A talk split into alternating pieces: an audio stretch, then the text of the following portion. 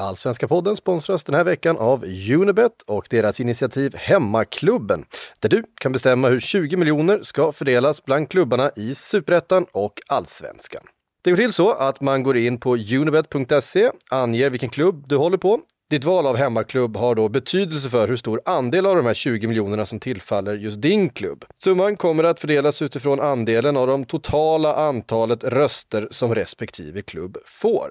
Det lag som då flest har valt som hemmaklubb får 2 miljoner kronor. Varje position i tabellen har ett givet belopp i fallande skala, men varje klubb kommer få minst 200 000.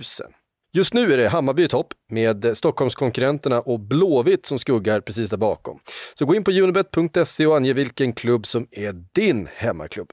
Och glöm inte att du måste vara 18 år för att spela och skulle du spela mer än du borde så gå in på spelpaus.se för att läsa mer om spelberoende och hur man pausar sitt spelande. Nu börjar veckans avsnitt.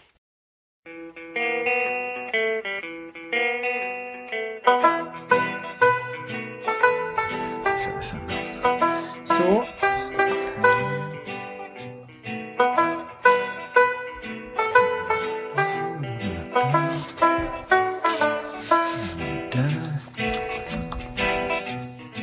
Du redo? Ja. kör vi. Hej och välkomna till den allsvenska podden som görs i samarbete med Robert Laul och Per Boman. Det är jag som är Laul, det är du som är Boman. Hej Per! Hej! Från att ingenting hände i fotbollsvärlden på typ två månader befinner vi oss just nu mitt i en av de nyhetsintensivaste perioder jag har varit med om under mina 20 år som sportjournalist. I denna röra av beslut, utspel och nya uppgifter ska vi försöka navigera i dagens avsnitt av den allsvenska podden som alltså ganska uteslutande handlar om eh, var fotbollen står någonstans just nu tillsammans med politiker och Folkhälsomyndigheten och en eventuell start i juni. Vi ska också prata lite om eh, våran kollega Johan Flinks granskning av Åtvidabergs FF och misstankar om matchfixning. Men vi börjar som vanligt med en spaning Per Boman. Och den handlar idag om vad jag har förstått något helt annat, nämligen talanger i fotbollssverige. Ja, men jag mötte på en sån här fotbollsledare som man, mött, som man, som man, som man pratar med för sällan helt enkelt. En, en kille som var speciell kan man säga. Eh, för det var så att jag ringer runt till en del klubbar i, i, eh, ja, i fotbollssverige för att sammanställa en talanglista. Jag vill helt enkelt ta reda på, ja, jag försöker ta reda på vissa talanger vid vissa nivåer i olika klubbar och sådär. Eh, och då ringde jag en eh, klubbledare och ville undra då lite mer specifikt ifall de hade några talanger som var extra intressanta. Och då svarade han nej.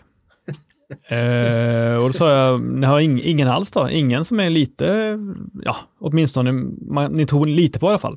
Nej, jag tycker inte att någon är intressant. Jaha, okej, okay, ja, ja, nej, men då skiter vi i det då, tänkte jag liksom. Och, men då sa han så här, då mjuk, mjuknade han lite och, och sa att nej, men vi har väl kanske två stycken. Och så nämnde han den ena som han var ganska, inte lyrisk till, men åtminstone uppskattade. Och så sa han, så har vi ju, så har vi ju en kille till. Jaha, vad är det med honom då? Han har sånt jävla pappsyke. pappsyke? Pappsyke. Jag frågade vadå, vad är pappsyke? Han är bäst på varje träning men värdelös i match. Allt han gör på träning är värdelöst. Nej, allt han gör på match är värdelöst i jämförelse med hur han är på träning. Det är tragiskt. Han är så jävla bra egentligen, så du måste släppa någon gång. Men skriv nu för fan inte någonting om det här, för då knäcker jag honom fullständigt ännu mer. Skriv något fint. var, hamnar du i det, i det läget? jag, har inte, jag, har inte skrivit, jag har inte skrivit ut det här än, men jag måste ju såklart respektera den här klubbledarens eh, åsikt. Då, men jag tycker att det var en... Eh, För han namngav ju den här eh, stackars han namngav, eh, unge talangen. Exakt, exakt. Han namngav allting, men han, han, han litade på mitt omdöme att jag skulle kunna hantera de här uppgifterna på rätt sätt. Så jag, jag tror inte ordet pappsyke kommer komma, ner, komma med i den, i den, i den, eh, i den färdiga texten sen. Vet du vad jag hade gjort? Jag hade lagt det rakt ut på bloggen.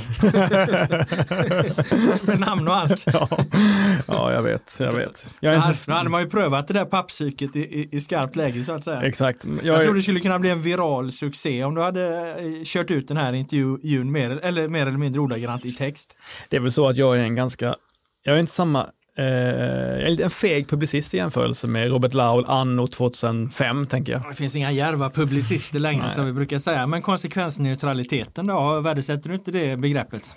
Jag tycker man har ett ansvar som reporter när man får frågan att eh, hantera någon, någonting finkänsligt så, så får jag nog försöka mjuka ner hans, eh, fila ner hans vassa ord lite. Okay.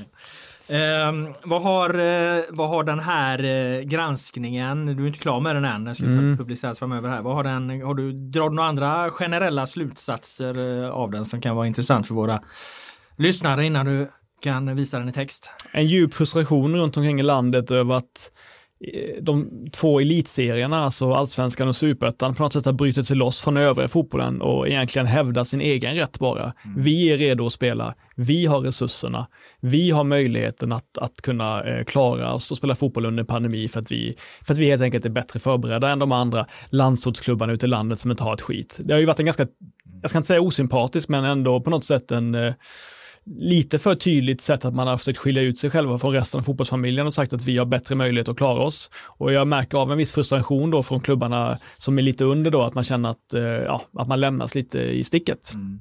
Alltså det här är ju ett intressant eh, ämne, vilket mm. liksom perspektiv man ska ha på det.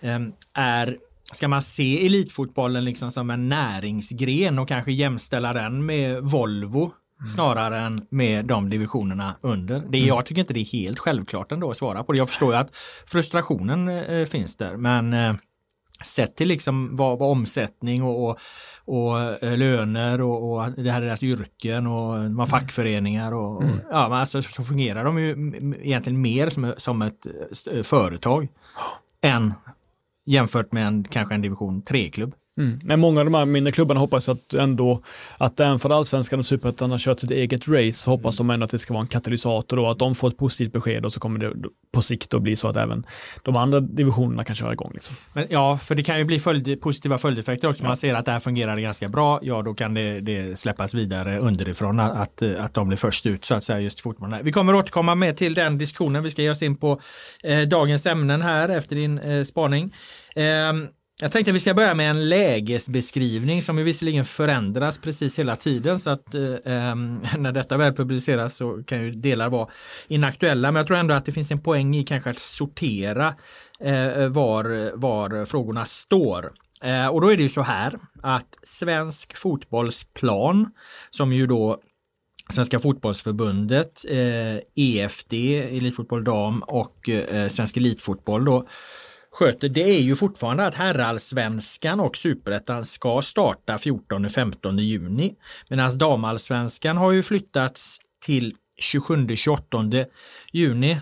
Jag vet inte om det är helt totalt spikat, men, men det är i alla fall planen. Exakt så. Ja. Att, mm. att det ska flyttas till 27-28 juni. Svenska cupen herrar kom ju ganska nyligen innan vi satte oss i studion. Det är framflyttad på eh, obestämd tid eh, och kuppen för damer den är ju helt inställd. Eh, Svenska cupen herrar har, har, vet vi att det finns snack om att man ska köra någon form av kuppvecka i eh, juli och riva av liksom kvartsfinal, semifinal, final inom loppet av en sju dagars period mer eller mindre. Eh, det är dock en av, av eh, många olika lösningar. Här är man ju lite i händerna då på eh, Europeiska fotbollsförbundet Uefa då när de plan, placerar ut sina Europakval och de har ju sagt att de här ligorna som avbröts i våras, de måste vara klara under augusti. Det är då man ska liksom ha, ha, ha kunna presentera en tabell så man vet vilka som ska kvala till Europakvalet. Det är ju inte aktuellt för allsvenskan, däremot är det aktuellt ur ett att man måste ha en vinnare. Så att eh, det här fjärde Europakvallaget då kan utses. Annars blir det ju då, vad jag förstår, AIK i egenskap av eh, allsvensk fyra ifall det inte kan spelas någon Svenska cup. Ja, det, det har ju Karl-Erik bekräftat till och med, att ja, det blir AIK. Ja, och det, har ju, det är ju fotbollens perspektiv då.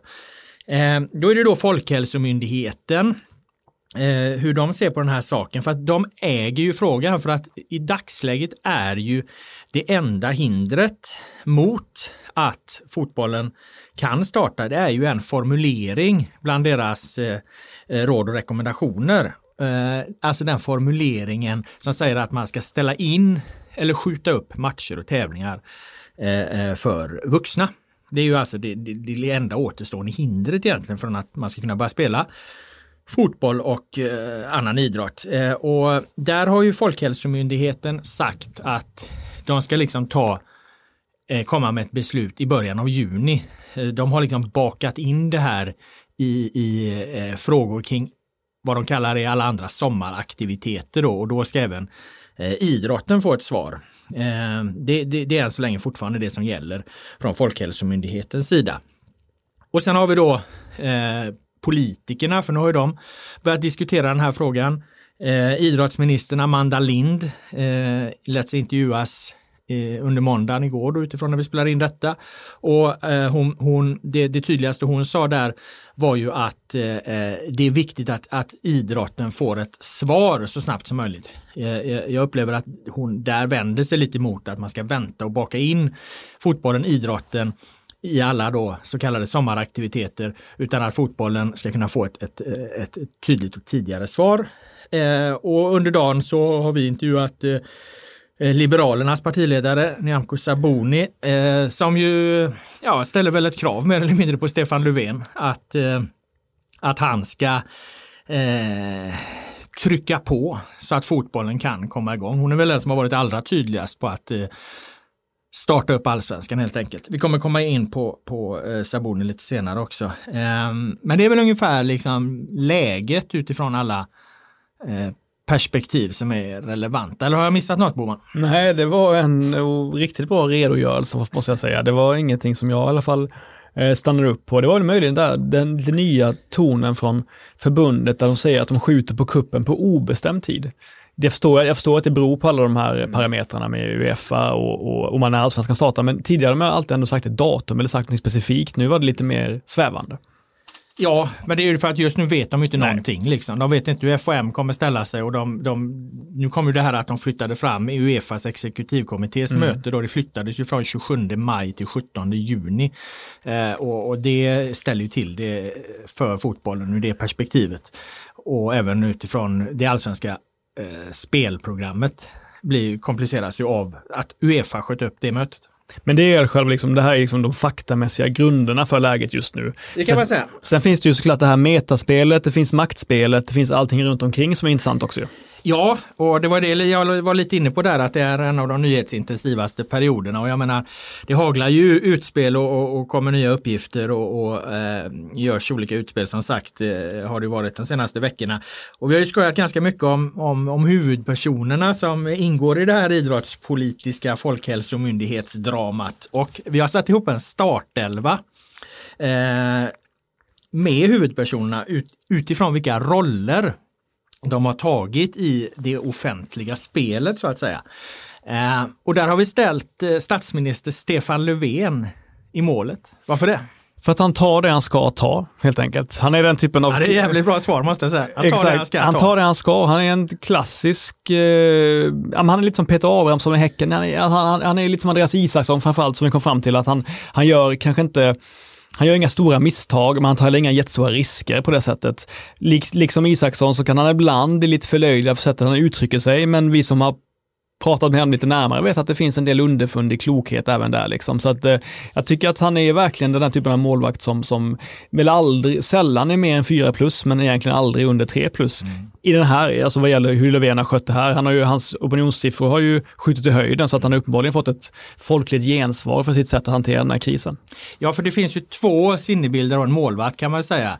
Det ena är ju då den här lugne, trygge målvakten eh, som skänker också mycket trygghet i sin backlinje som du var inne på. Eh, eh tar det han ska, men sen har man den helt andra målvaktstypen också, så den är egentligen vanligare den mm. målvaktstypen. Alltså nästan alla de stora målvakterna är, är ju eh, galningar eh, mer eller mindre. Liksom. Mm. Jag menar backa till Schumacher så, så har vi väl det tydligaste exemplet, eller Neuer i, i, eh, i Tyskland nu då. Mm. Eh, du har ju väldigt, väldigt många mål, Bartes, Ravelli, våran egen, liksom. han var ju också liksom en, en spexare så. Eh, och, och, och, den målvaktstypen är kanske egentligen vanligare, den gal, galningen. Den galning, så. individualisten. Men, ja, men det finns ju också då eh, den här lugna målvaktstypen, just som du var inne på. Andreas Isaksson, ett, ett utmärkt exempel.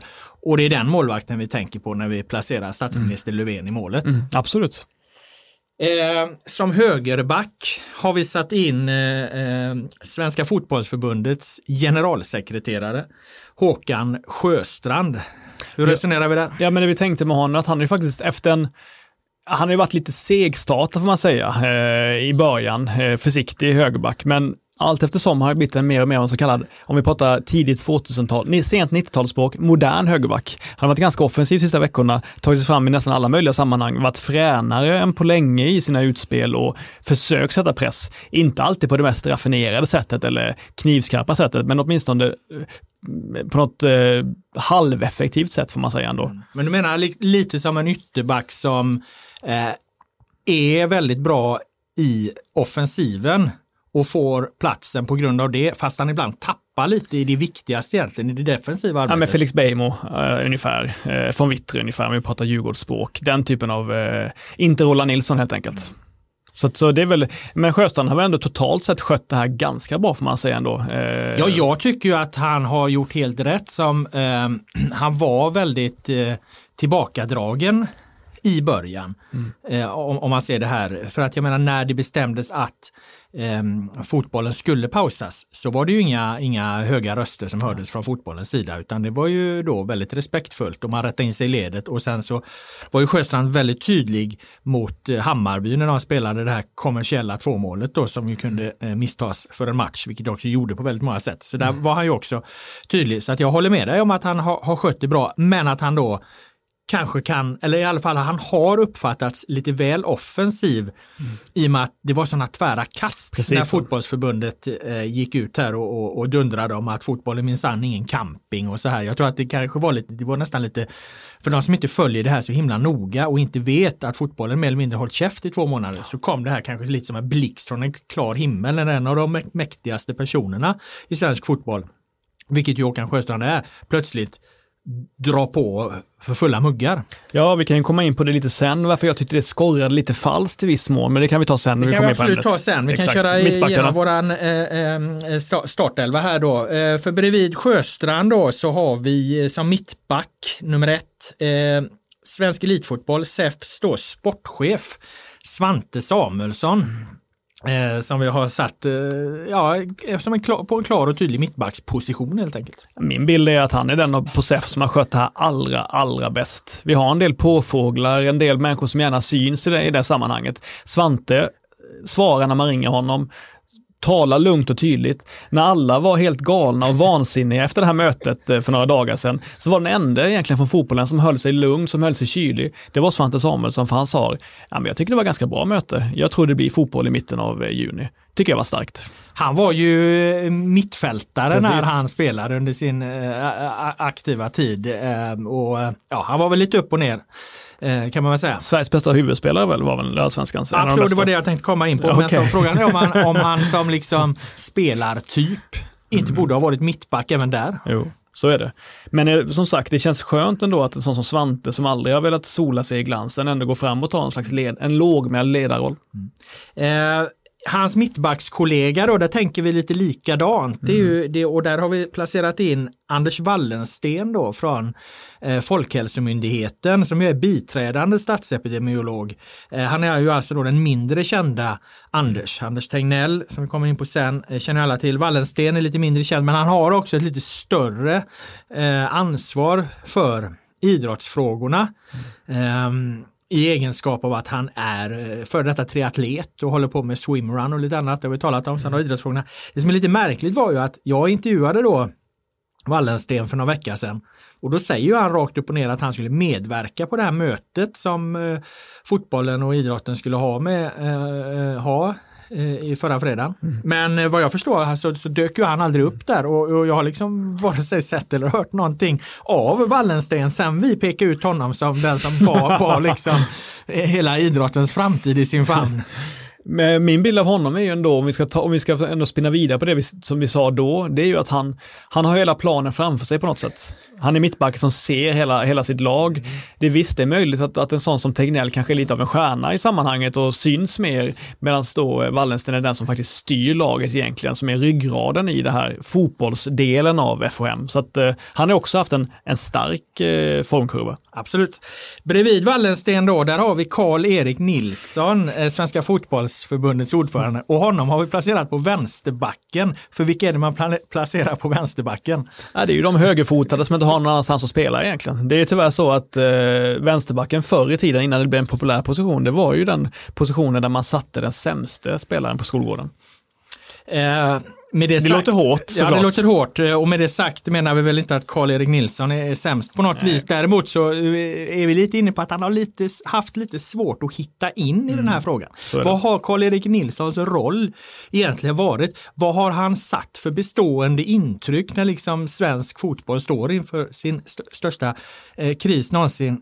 Eller har det kanske helt enkelt varit rimligt att högsta hönset och ordföranden inte ska dominera så mycket. Lite lex Löfven. Löfven är ju inte heller den liksom som är ute och stormar mest. Så att jag menar det här är liksom inte bara en sågning. För jag menar vänsterbacken är en lika viktig position som alla andra positioner i laget. Nej, och så vet vi också så att eh, det har ju varit så länge då att Karl-Erik Nilsson och, och Sjöstrand har ju delat upp på något sätt spelfältet mellan sig och han har ju lämnat lite mer svensk fotboll till Sjöstrand och var den utåtagerande rösten i de sammanhangen. Samtidigt kan jag känna att det här är den största krisen på väldigt, väldigt länge. Så Karl-Erik Ja, kanske, någonsin jag säga. Ja, någonsin. Han kanske kunde Och varit lite, definitivt under hans tid som ordförande. Exakt, så det kanske kunde varit lite mer tandem tillsammans med Håkan Sjöstrand eh, i det här sammanhanget. Ja, alltså krisen så sett är den ju ojämförbar. Ja. Vad fan ska man jämföra med? Jag vet att Lagrell brukar prata om att den här Örebro, eh, när de skickade ut Örebro, att det var hans värsta eh, kris. Liksom. Och jag menar, det, är ju närheten av det här som de står inför nu. Liksom. Nej, och vi säger väl inte att Karl-Erik Nilsson ska vara den som helt plötsligt sl- slår eh, knytnäven i bordet och kräver saker, men däremot kanske mer, en mer eh, opinionsbildande roll på något sätt. Nej, men grejen är, nej, för vad han, han behöver inte vara framme hela tiden, synas Nej. höra, men han måste vara jävligt bra varje gång han eh, kommer fram. Lite som en vänsterback som sticker ut. Det måste vara ett Edman-inlägg mot Larsson. Och det är det jag lite har saknat med Karl Nilsson. Han har varit framme sällan, men han har inte satt några avtryck när han väl har gått fram. Nej, men han har varit, nu säger jag det med kärlek för jag älskar Teddy Lucic, men han har varit Teddy Lucic i VM 2002 när han tar sig fram mot England, kommer vidare på en djupledsboll och skjuter en yttersida i bröstet på David Seaman i ett halvt friläge. Ja, det är bra. Eh, vi går över till mittfältet. Eh, där har vi på höger eh, yttern, högermittfältare, placerat in Ola Rydén och det kanske inte alla riktigt eh, vet vem Ola Rydén är då, men han är då ligaansvarig eh, på svensk elitfotboll. Och anledningen till att han får en central roll i det här, det är för att det är den här stackars människan som sitter med det allsvenska spelprogrammet och kastas då mellan hopp och förtvivlan. Och att sätta ihop ett spelschema är ju under normala omständigheter på ren svenska ett satans helvete och nu är det ju 20 gånger värre. Absolut, men han har ju på något sätt varit det har haft det här filbungslugnet hela tiden egentligen, som man kan bli väldigt imponerad av. Sen vet jag inte, har han, tror du, redan nu ett slags embryo till schema redo att kastas ut? Alltså han, de måste ju nästan ha, eh, i alla fall hade ju, om jag hade varit i hans kläder så hade jag ju tagit fram vad kan det handla om? Fyra olika scenarier och sen får man helt enkelt förbereda de scenarierna eh, och, och det av dem det blir får man sätta igång. Men sen så kommer ju sådana här saker då som att, att, att Uefa helt plötsligt flyttar ett möte från 17, eh, 27 maj till 17 juni.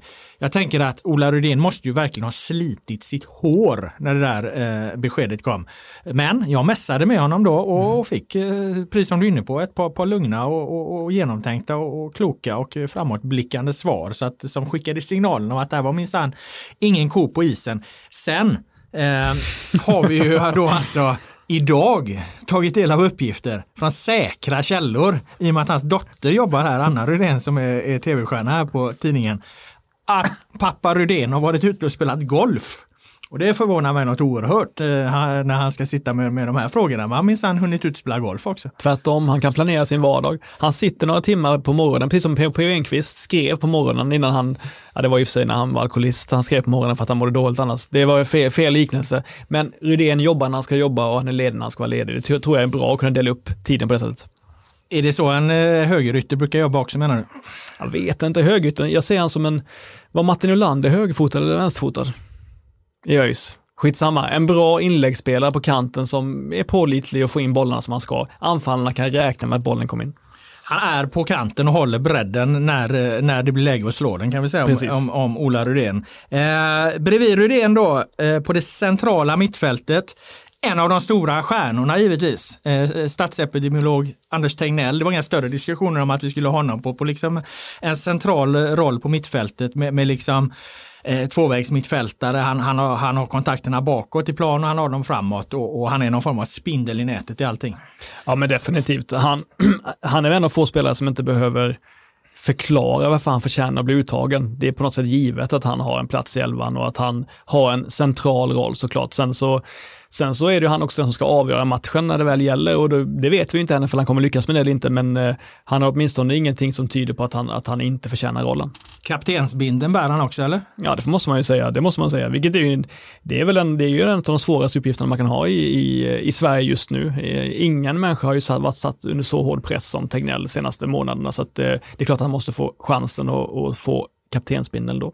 Jag tänker också att den centrala mittfältsroll han har och som han har hamnat i här, det är ju att han han är ju extremt skicklig på sitt område givetvis, mm. men här har han ju nog någonstans också kastats in i idrottsområdet och det har han ju egentligen aldrig gjort någon hemlighet av att han är inte särskilt intresserad mm. av fotboll och det har ju också lyst igenom emellanåt att, att Alltså det är ju inte, fotbollen är ju inte deras starkaste gren. Mm. Och det är ju inte konstigt, det är ju, liksom, det är ju ingen kritik egentligen. Men de, de har, jag tycker de har haft lite problem kanske med att när man har hört dem prata att hålla isär division 7 från, från allsvenskan. Att de verkar liksom, de klumpar ihop det där lite grann. Eh, men, men jag tycker ändå att någonstans att Tegnell har skött det här skickligt. Ingen kan ju kunna allt, men, men han, han, han har ändå hanterat det här på ett bra sätt i den mening att han måste liksom ha koll på så många olika områden.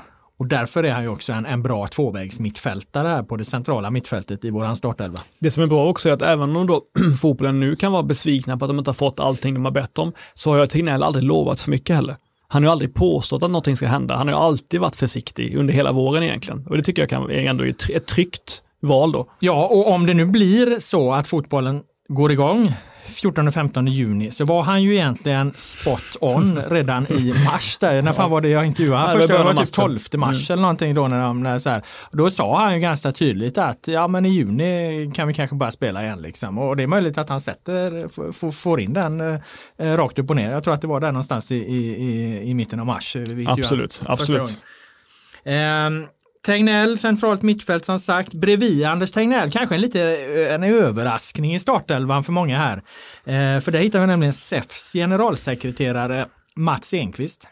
Ja, Mats Enqvist eh, har ju, ja, visst vi sa ju att vi berömde Svante Samuelsson för att han har haft en lugn eh, och förståndig del av SEFs arbete. Om vi ska vara helt ärliga så tycker vi faktiskt även att Mats Enqvist har varit eh, ja, du nämnde förståndig. Ordet, ja, du nämnde ordet när vi pratade om det, att han, han från att liksom ha varit den här i poliskonflikten då, där han har tagit en, en, en eh, aktiv roll, eh, populisten skulle jag vilja säga, mm. så har han ju med, varit ganska statsmannamässig mm. eh, i eh, hanterandet hur SEF har kommunicerat kring det här. Ja, och det är ju det att han har varit i så, han har varit i så stark kontrast mot en annan SEF-medlem som vi kom in på tidigare. Det gör ju att på något sätt att man tycker att Enqvist har varit, som du säger, statsmannamässig och en trovärdig part för fotbollen i det här sammanhanget.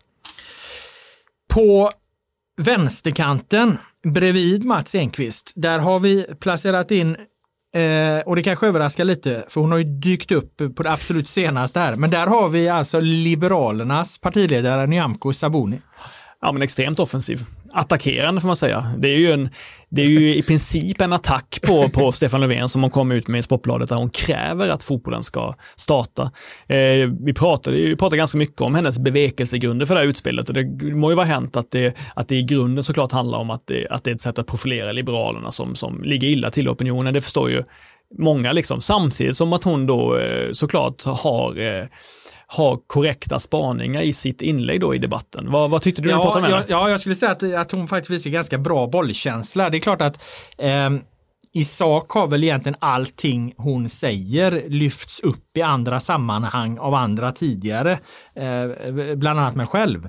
Eh, men det är klart att det blir mycket starkare när hon gör ett, ett, ett, så här, ett sånt här utspel. Och det som det också får konsekvensen får vi väl se här nu, det är väl någonstans kanske att det tvinga fram Stefan Löfven eh, till någon form av ställningstagande. Sen exakt vad han kan göra åt eh, FOMs liksom, detaljregler och så, det har mm. mycket svårt att se att, att en statsminister kan gå in och säga att de ska ta bort till exempel en formulering. Så funkar det inte, utan det är ju myndigheterna som styr det här. Mm. Men, men eh, Löfven kan ju säga annat och han, han, han tvingas väl förmodligen fram och, och, och bemöta det här på något sätt. Mm. Ja, och det, så, så, sådant är ju det politiska spelet, så man kan ju tycka vad man vill om liksom, tillfälle och vad man säger, men det är ju ett effektivt eh, politiskt arbete. Ja, och boll, den goda bollkänslan då som mm. kännetecknar många yttrar med, med bra vänsterfötter.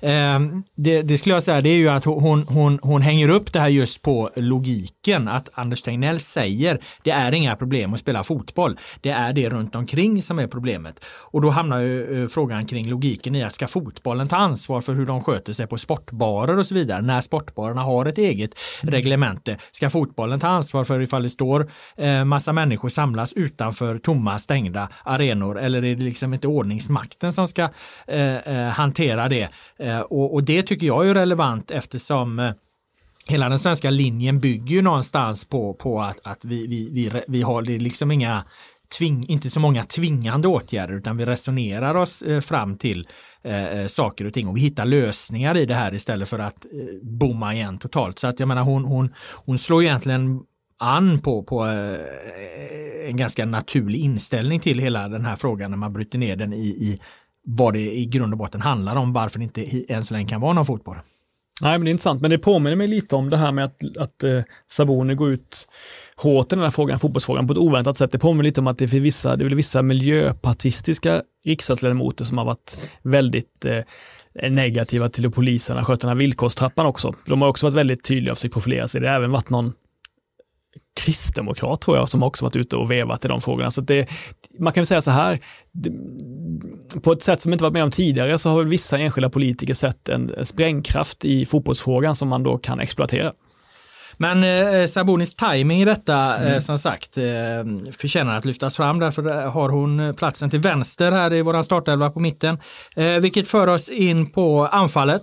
Där har vi eh, forward nummer ett, Björn Westström. Skjuter på allt.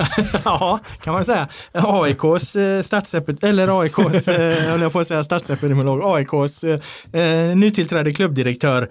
Eh, som ju egentligen är den från fotboll, fotbollens sida som på senare tid har varit allra skarpast i kritiken mot eh, Folkhälsomyndigheten. Nu är det jag och Tegnell i varsin ringhörna, eh, som, som man uttryckte det.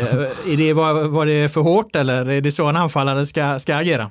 Nej, men jag tycker att det är väl ett utmärkt sätt för Björn Westrum att vi har ju sagt att han på något sätt har potential att bli en, en Bengt Madsen, en Lagrell, att han, han är på väg upp på de nivåerna av svensk fotbollsledare. Och, och att han nu sätter sig i förarsätet i liksom den här debatten, det tycker jag är ett sätt att han profilerar sig vidare i den rollen liksom som politisk klubbledare på något sätt. Ja, alltså han har ju varit klubbdirektör i, i vad heter det, två månader eller vad fan är det? Ja. Han utmanar redan Tegnell, det är inte så jävla illa. Nej, det är ju inte det. Så att jag menar att han, han, nej alltså, att Westström blir så här, man var lite rädd att Westholm skulle ta ett steg tillbaka när, tog, när, när han inte var eh, sportchef längre och blev klubb, klubbdirektör, men det är ju tvärtom. Han kommer bli mer och mer offensiv. Dundergjuten i anfallet och skjuter mm. på allt som du sa. Lika dundergjuten som, dundergjuten som anfallaren bredvid. Det här lagets stora stjärna får vi väl ändå säga. Och den här liksom, eh, hela den här debattens och, och skeendets eh, obestridlige kung. Kung Björn Eriksson. Ja, det, det gillar inte supportrarna att höra, men han har, han har ta mig fan varit eh, stark i den här frågan. Han har varit både nia, tia, släpande anfallare och någon slags Maradona-roll där han har på eget sätt gått på vatten runt omkring alla andra och, och på något sätt in, ingrip, han ingriper, ingriper när han behöver, han tar sig ur nästan alla knipor. Eh, du har ju följt det här noggrannare än många andra. Vad är det som gör att Eriksson har imponerat? Ja, men det finns ju en, en, en kul grej i, i, i allt det här och det är ju alltså när det här då mötet som fotbollen och idrotten skulle ha med, eh, med eh, Eh, FOM i fredags. Eh, då hade, det, det, var, det var ju stort, de hade gått ut på sin hemsida, Svenska fotbollsförbundet, och eh, sagt att klockan fan var det, nio kommer vi ha det här mötet och, och så. Och när, när förbundet gör det, då gör ju vi journalister upp med pressansvariga och så här runt eh, olika verksamheter att ja, men efter då vill vi intervjua den och den ledaren och man får stå i någon slags kö då eh, för vem man ska prata med och då hade vi ju talat med förbundets presschef liksom och, och, och eh, generalsekreterare Håkan Sjöstrand, han hade ett schema, vi skulle få ringa upp honom 10-15, mötet skulle vara vara slut klockan 10. Och, och, och, så skulle han klara av intervjun med oss och så vidare och så vidare. För då skulle de ha lagt ut sin kommuniké då på, på hemsidan också. Så kunde man ställa frågor om det här. Eh, men typ 09.58 eller vad fan klockan kan ha varit då så får jag ju ett meddelande från pressfolket på Svenska fotbollsförbundet att eh, kommuniken kommunikén är uppskjuten eh, på obestämd tid och även intervjun med Sjöstrand är framflyttad. Eh, vi, får, vi återkommer med, med besked om när. Och typ tre, tre minuter senare så ringer Björn Eriksson upp och, och eh, ja, men ger Riksidrottsförbundets syn på det här då. Att ja, men det har varit ett bra möte liksom. Och Folkhälsomyndigheten kan ju inte granska fotbollens protokoll men det kommer vara till stor gagn för, för, för idrotten som helhet. Någon Svenska Cup kan det absolut inte bli om man, om man ska följa Folkhälsomyndighetens eh, rekommendationer. Så, så det, det, är bra liksom. Och vi kommer snart med ett pressmeddelande. Det har förmodligen redan ramlat ner i din inkorg. Det dröjde typ 20 minuter innan det där pressmeddelandet kom då. Eh, så att han, Eriksson gensköt ju och var för, först ut med liksom sin, sin syn på saken. Och sen framkommer det ju då att Björn Eriksson har inte ens varit med på det här mötet, vilket verkar ha retat upp fotbollen något alldeles oerhört. Inte bara att han, att han inte var med på mötet utan att han också uttalade sig om mötet eh, eh i media. Men jag blir snarare imponerad. Så här, så här agerar ju en maktspelare på den absolut högsta eh, eh, nivån. Så här agerar en straffområdets tjuv. Så här agerar en, en, en, en stor målskytt som tar tillfället, eh, sätter sin prägel på det och mer eller mindre avgör just den lilla fighten. Då. Så att jag tyckte det här var oerhört imponerande. Ja, jag tycker det är intressant för att jag läste ju en tio år gammal text, eh, en krönika av Leif GW, där han är bara i en passus, bara i en liten, liten sidoanekdot Eh, på något sätt lyckas få in en käftsmäll på Björn Eriksson och kalla honom för en, jag citerar, naturlig fegis. Slutcitat. Och då känner jag, inget kunde ju vara mindre sant än, än det här. Liksom. Vi får ju intrycket nu av att eh, Björn Eriksson, han, han, är ju ingen, han är ingen fegis på sättet hur han bryter alla konventioner och tar sig fram på helt, helt eget bevåg genom allting på något sätt. Nej, definitivt inte. Men å andra sidan, det har gått eh, eh tio år sedan det där, så han kanske har lärt sig ett och annat Eriksson kring hur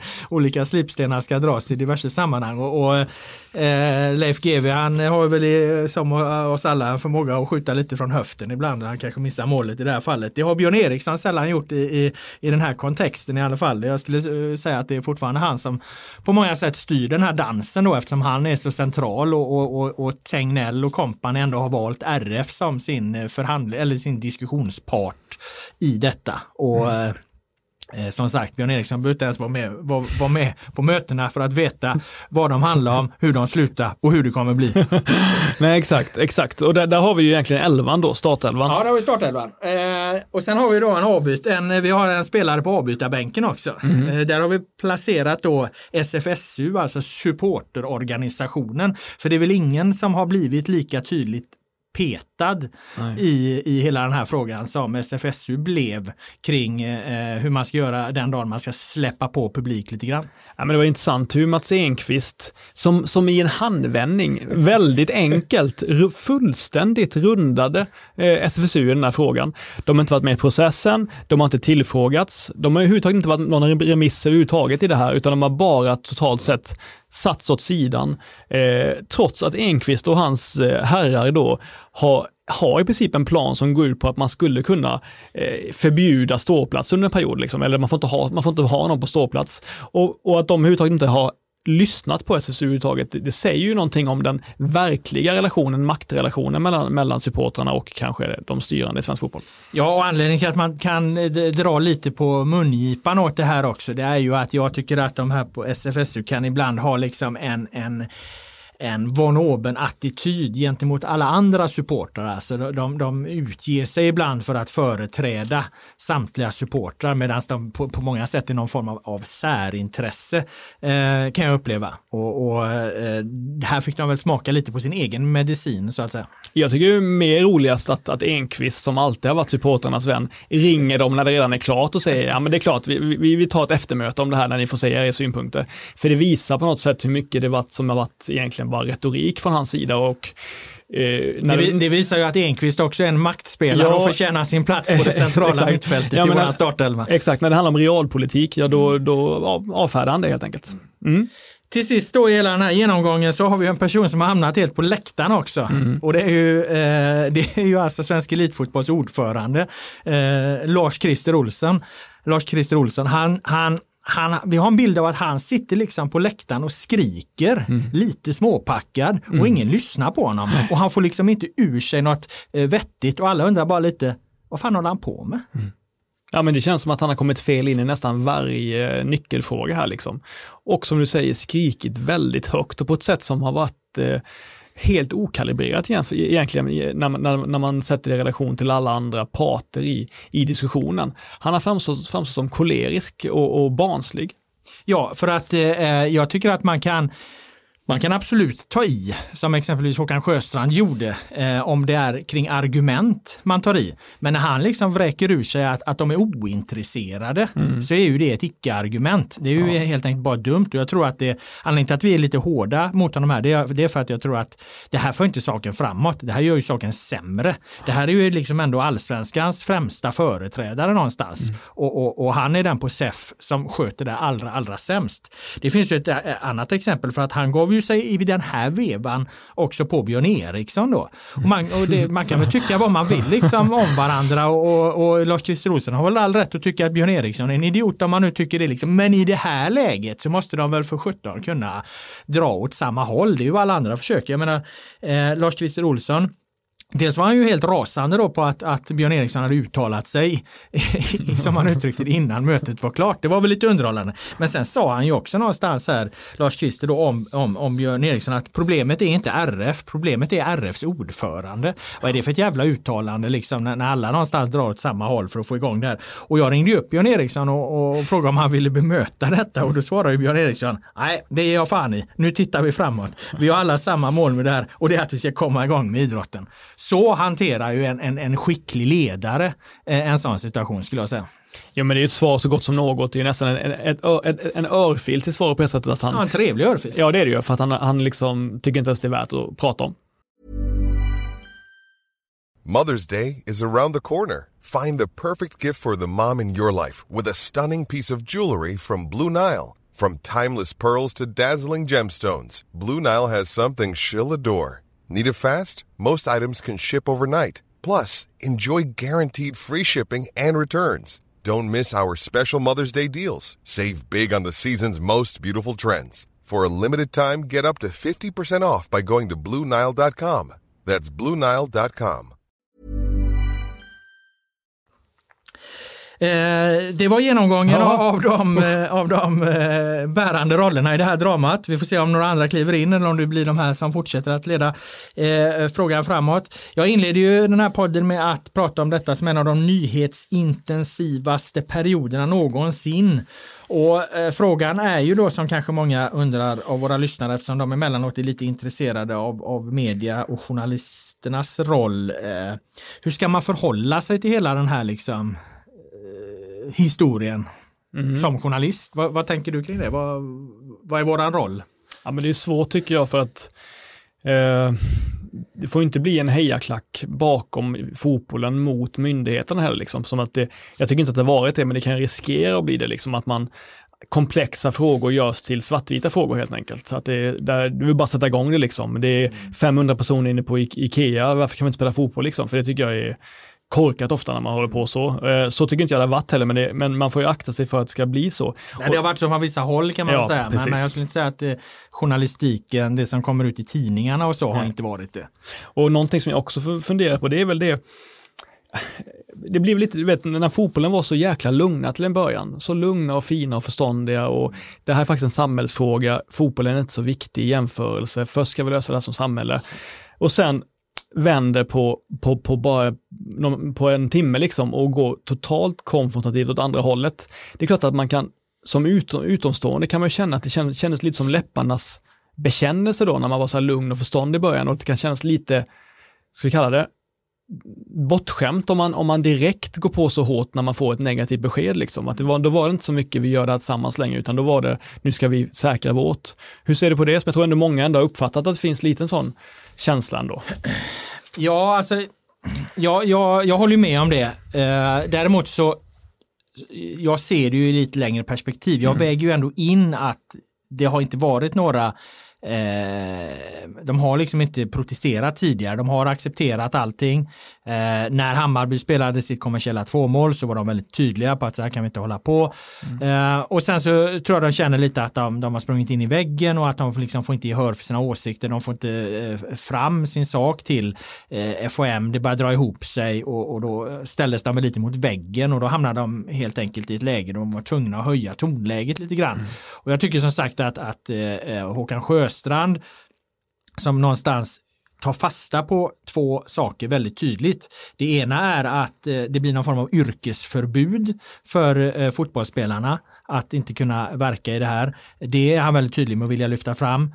Eh, det andra är att det är väldigt stor skillnad på lägre divisioner och den här e- elitfotbollen. Alltså, har du bara liksom väldigt tydliga argument som du vill få ut, då tycker inte jag det är några problem att ta i. Mm. Eh, då, då, då kan man göra det. Eh, Medan till exempel som vi berörde tidigare, Lars-Christer Olsson som, som slänger ur sig att de är ointresserade. Det mm. blir mer ett respektlöst. Så att det finns väl båda delar i det här. Men sen så ser jag ju liksom, jag ser ju, jag ser ändå att fotbollen har någon form av rätt att ta i här och det är för att jag bedömer dem som som längst ner i maktordningen här alltså. Utifrån ett journalistiskt perspektiv så ska vi ju alltid, vi ska ju alltid titta uppåt så långt det bara går. Och makten i det här fallet representeras ju av eh, Folkhälsomyndigheten. De är ju högst upp i ordningen. De, de har ju mest makt. De använder dessutom sina maktmedel då eh, eh, till att stoppa fotbollen. Nummer två på den, på den skalan det är ju Riksidrottsförbundet. De är ju näst mäktigast. Och, och, och trean då är ju eh, fotbollen. Eh, vilket gör att det, det, det både kan vara ett journalistiskt, eh, det är både journalistiskt relevant och lyfta fotbollens frågeställningar i det här. Men det är också eh, någonstans relevant för fotbollen att ta i lite mer. Och det är väl därför också man ser att det är hårdare uttalanden från fotbollen, lite lugnare från Riksidrottsförbundet och sen liksom inte konfrontativt alls då från Folkhälsomyndigheten. Det är, det är för att alla är medvetna om var på maktskalan man så att säga befinner sig. Det är klart att all formell makt ligger hos myndigheterna, hos, hos, hos staten på något sätt, eller mm. hos politikerna i den här frågan.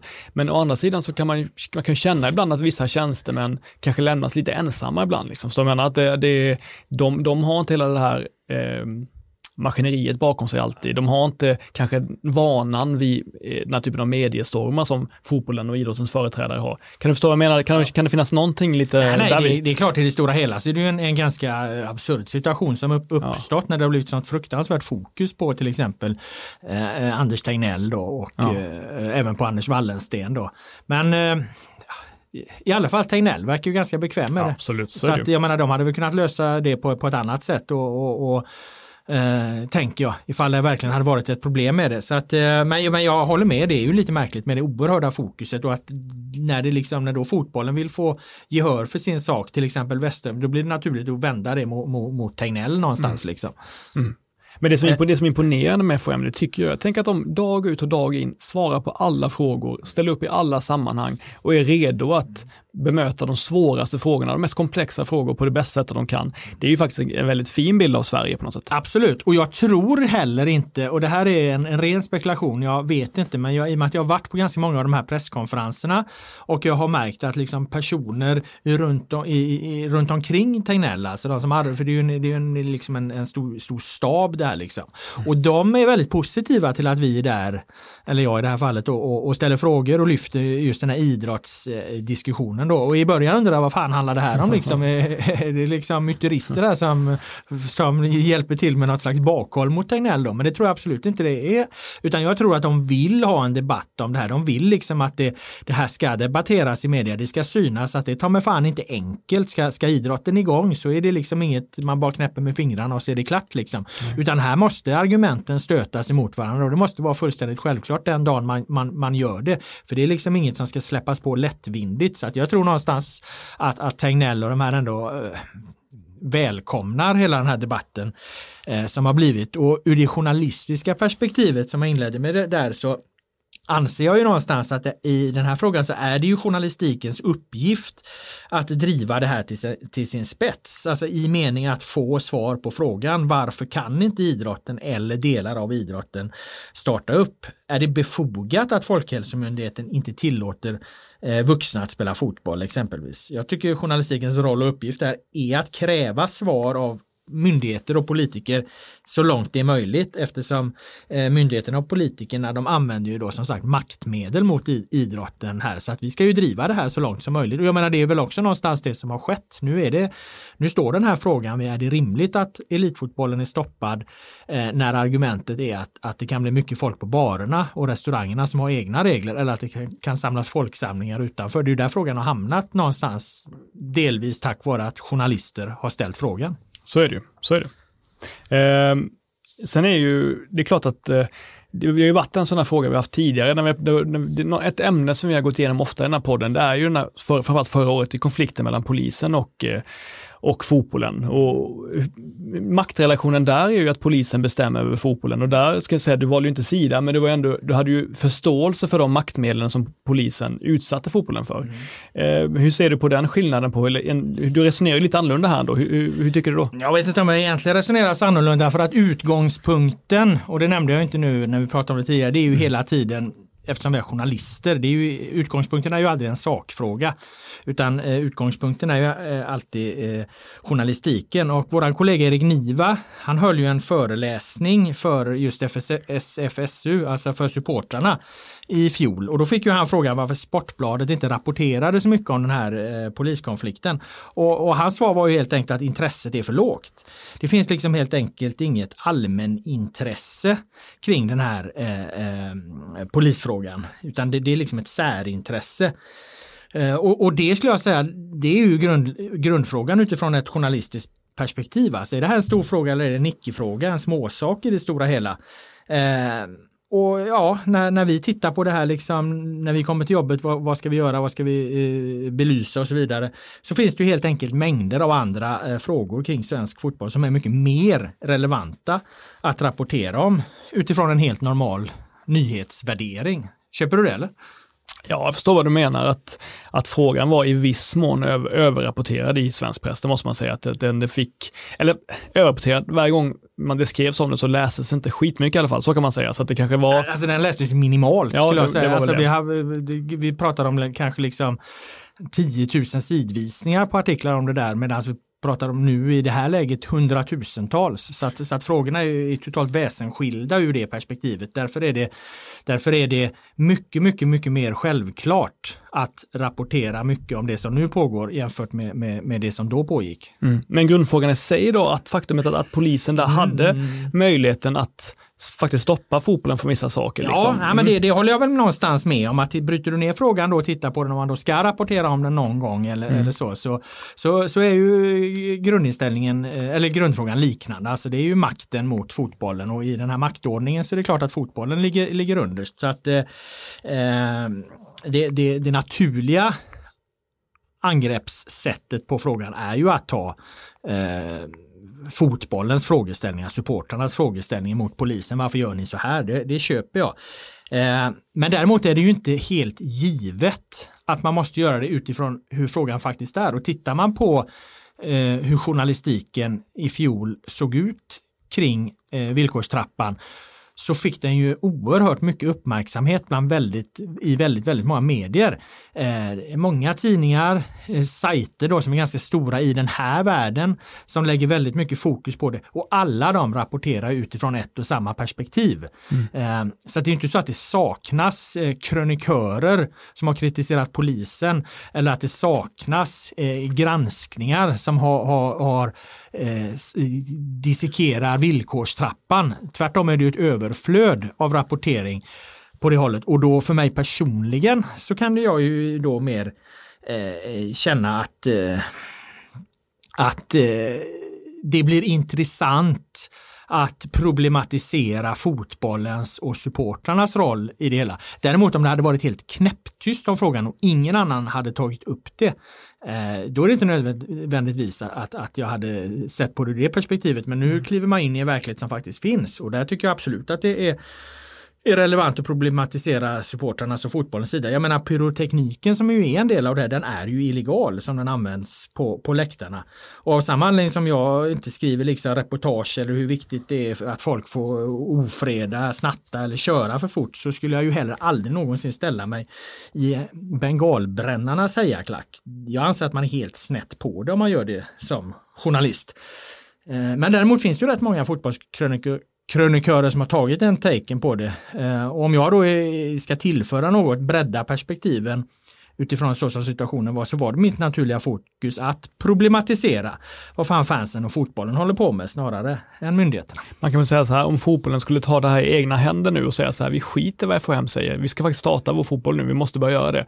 Då hade det varit relevant att eh, att granska dem på ett helt annat sätt. Liksom. Ja, det, absolut. Då hade det ju varit, varit klart mer relevant att problematisera mm. fotbollens eh, beteende. För att jag menar, eh, det som nu sker är ju att de har ju sannoliken rättat in sig i ledet. Mm. Eh, eh men det pågår en debatt kring saker och ting, ja. vilket är helt naturligt. Mm. Det tredje argumentet man skulle kunna anföra kring, kring varför man, man, jag då kan tyckas göra skillnad på polisfråga och, och, den här frågan, det är ju att poliskonflikten är ju egentligen, det är ju, den är ju egentligen helt okontroversiell lagstiftningsmässigt. Det är ju en lagstiftning som gäller alla. Det är lika för alla, det har stötts och blötts och diskuterats väldigt länge och väldigt grundligt.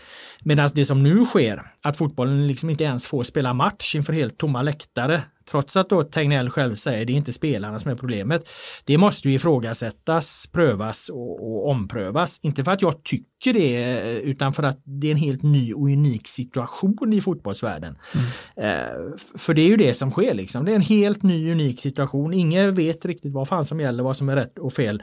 Eh, och, och, då ser jag det som min skyldighet att, att vara något, något av en nagel i ögat på makten. Ja, men det är klart. Men och i slutändan så är det väl helt enkelt så att frågan som den är nu, den handlar om hela sportens framtid eh, och är därför som vi sa innan en, en, en, fråga som överskuggar allt liksom i jämförelse med en för många väldigt viktig fråga, mm. eh, till, alltså supporternas rätt till bioteknik och liknande. Men också... Men ändå ett särintresse. Ett särintresse i jämförelse är det såklart. Ja. Eh, vill du, har du någon, eh, vill du lägga ut texten kring hur du ser på det? Eller? Nej, jag är matt. Jag är matt. Jag är helt matt nu. Jag är helt matt. Du har inget, inget kvar att bemöta det. Nej, nej. Ja, men ska vi släppa hela, hela det här då ämnet som vi ägnat större delen av, av eh, podden åt eh, kring eh, hur, hur, fotbollen kan komma igång och inte. Och bara egentligen lite kort ta upp det kanske som har varit störst utanför den frågan då. Eh, och det får vi väl ändå säga våran kollega Johan Flinks granskning av Åtvidabergs FF där ju han har sprungit på, får man väl ändå säga, förhållandevis tydliga, tydligt uttryckta misstankar om matchfixning. Jag menar matchfixning är ett, ett känsligt område. Vi vet att det finns en tystnadskultur kring det. Vi vet att det är svårt för spelare och ledare att prata om det. Men, men jag tycker ändå att den förre tränaren Tor-Arne Fredheim eh, säger till Flink eh, saker som är så pass tydliga så det blir helt självklart att, att man måste göra en stor granskning av det här. Inte bara från medias sida då, utan nu även från eh, Svenska fotbollsförbundets sida och eventuellt då att det kanske leder vidare till någon form av polisiär utredning också. Ja, men jag tycker det var en jättebra granskning, det var intressant att läsa, det var liksom ett eh, det visar hur det kan gå till helt enkelt. Och då undrar jag, varför bryr sig inte så många människor om det? här? Varför verkar svenska fotbollssupportrar helt eh, oengagerade i matchfixningsfrågan? Ja, den är jättebra. Jag har funderat på den frågan i snart tio år, för jag har skrivit om det här i snart tio år och jag kan egentligen, den enda gången det verkligen har, verkligen har blivit eh, drag kring det, det är ju eh, den här inställda matchen IFK Göteborg, eh, ja. När det hände där. Då blev det ju ett satans pådrag på alla håll och kanter. Då engagerade sig verkligen människor kring det. Um, men annars, jag vet inte, det, det, det, den, den, den fäster liksom inte. Jag hade ju hela anslaget i min krönika här att, kring just det, liksom, att, att fans allmänhet verkar liksom inte eh, tro eller förstå eller låtsas om eller bry sig om att det här pågår liksom även mm. högt upp i seriesystemen. Jag tänker att det är ungefär som att man kan lära sig att tänka bort uteliggare eller tiggare efter ett tag. Så menar, efter ett tag så, så lär man sig att, att bara se igenom det. Alltså, I alla fall en över, överlevnadsmekanism eller någonting. Alltså, det är hemskt att det är så, ja, det är någon slags avhumaniserat i det, men efter ett tag så, så blir det en del av stadsbilden som, som, som många människor bara kan gå förbi helt enkelt. Så många ser som, ja det är där men jag behöver inte bry mig om det så mycket. På samma sätt tror jag det är lite med matchfixning, att man kan lära sig att en, en sorts ose av, det. Liksom. En avtrubbning ja, då liksom. Kanske. Fast ja. den har ju aldrig varit uppe någon gång. Nej, det ja, det var ju den här gången då med IFK Göteborg AIK då, som, som som det var uppe, men, men eh, annars inte. Nej, men då kanske det är att det är en sån teknisk fråga. Jag vet inte att det, och kanske ändå då att det förutom den här kuppfinalen för några år sedan och AIK Blåvitt ännu inte varit så många jättetydliga exempel i allsvenskan. Mm. Som vi vet om, eller som har kunnat bevisats 100% i alla fall. Med det sagt så ska vi ju inte säga att det inte har varit något intresse alls för Nej, Flinks att det- granskning. jo, jo, nej, det, det, nej. det har liksom eh, i en matchfixningskontext så skulle jag ändå säga att det här har gått genom bruset ganska tydligt. Den har ju plockats upp i, i, i nästan alla andra stora medier på, på många olika sätt. eh, Det har fel sagt, men jag menar, den, har läst bra, men det har inte Ja. blivit någon debatt kring Nej, det så- har det inte blivit. Och, och, eh, ja, vi får väl helt enkelt se. Det kanske krävs att eh, fotbollsförbundets utredning nu drar fram eh, tydligare, eh, tydligare tecken på det. Eh, för, att, för jag menar, om det är så som ju någonstans antyds i det här reportaget att det här det här totala fallet då, Åtvidaberg, när fan var det? Var det 2014 de kommer åtta i, i, i allsvenskan? Ja, med Magnus Eriksson åker, och Prodell. ja, åker ur 2015 och idag återfinns de i fjärde divisionen. Eh, om, om, om matchfixningsproblematik har varit en, en del i det och det dessutom då finns män, människor som har skott sig på den här anrika föreningens fall genom seriesystemet så är det ju en, fullständig liksom, idrottslig tragedi på alla sätt och vis. Jo, så är det ju. Så är det ju. Ehm, och det visar också som hur enkelt det är att ta över en klubb som är behov av pengar. Och det kommer inte bli svårare då att ta över klubbar som är behov av pengar framöver om det nu är så att vi går mot ett eh, totalt ekonomiskt eh, haveri i, i svensk fotboll. Ja, och oavsett det har skett eller inte då i Mm. Åtvidaberg att de har blivit övertagna Ja, så, så är det ju ett, ett mönster som har återfunnits i andra exempel där, där en klubb på fallrepet får, i, får in eh, en person med dunkla syften som har eh, möjlighet att skicka in pengar. Sen dyker det upp massa skumma spelare som kommer dit gratis som försvinner ungefär lika fort igen. Det är ju ett mönster som finns både i Sverige och, och, och, utomlands. Och, Åtvidaberg tickar ju tyvärr in på ganska många av de där eh, boxarna, även om eh, det i sig givetvis kan vara rena tillfälligheter. Men i kombination med, med den här, de här misstankarna som bland annat Tor-Arne Fredheim då, som jag upplever som en hedersman, uttrycker, eh, så är det klart att det ger, ger en bild som framstår som djupt problematisk. Man kan ju säga så här, det ska väldigt mycket till för att någon som verkar i en klubb ska säga det, att det kan ha förekommit. Exakt, men är, för oss som skriver om det här och pratar med människor så är folk väldigt, väldigt rädda. Jag har pratat med många, ska jag säga, klubbledare på olika nivåer eh, som har berättat de mest häpnadsväckande saker kring hur saker har skötts i olika föreningar, men som absolut på inga villkor vill stå för det ens anonymt, utan som har ungefär så här. eh, tycker att du bevakar den här frågan bra Robert, du är helt rätt på det. Och så berättar de det här, det här och det här. Eh, Men du får absolut inte skriva om det.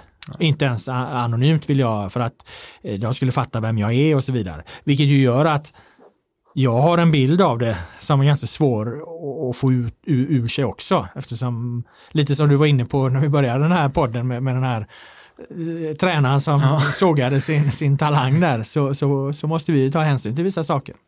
Så är det. Men vi rekommenderar reportaget eh, som Ja, absolut. Och rapporteringen lär fortsätta eh, kring det. Eh, däremot eh, så var det väl ungefär vad vi hade att bjuda på idag. Eh, vi ska återgå till övrigt arbete. Det är som sagt en väldigt nyhetsintensiv period. Vi tror väl nu att allsvenskan ändå kommer komma igång. Jag skulle kunna tänka mig att den kanske möjligen flyttas två veckor eller någonting. Då täcker man in det här eh, Uefa-mötet också. Men jag, jag tror att det, det, jag skulle säga, jag känner mig 99% säker på att allsvenskan kommer komma igång. I alla fall i månadsskiftet juni-juli. Det är möjligt, möjligt att man av olika anledningar får flytta det ett par veckor till. Men, men nog fan talar allting för att det här är på väg att, att, att luckras upp nu och komma igång. Jag är ganska säker på det. Ja, absolut. Enig. Bra, då var det vad vi hade idag. Jag tackar dig Per Boman som var här med dina kloka synpunkter och åsikter. Jag tackar alla som har lyssnat. Den allsvenska podden är tillbaka nästa vecka. Nu blir det The Village Stompers med Washington Square.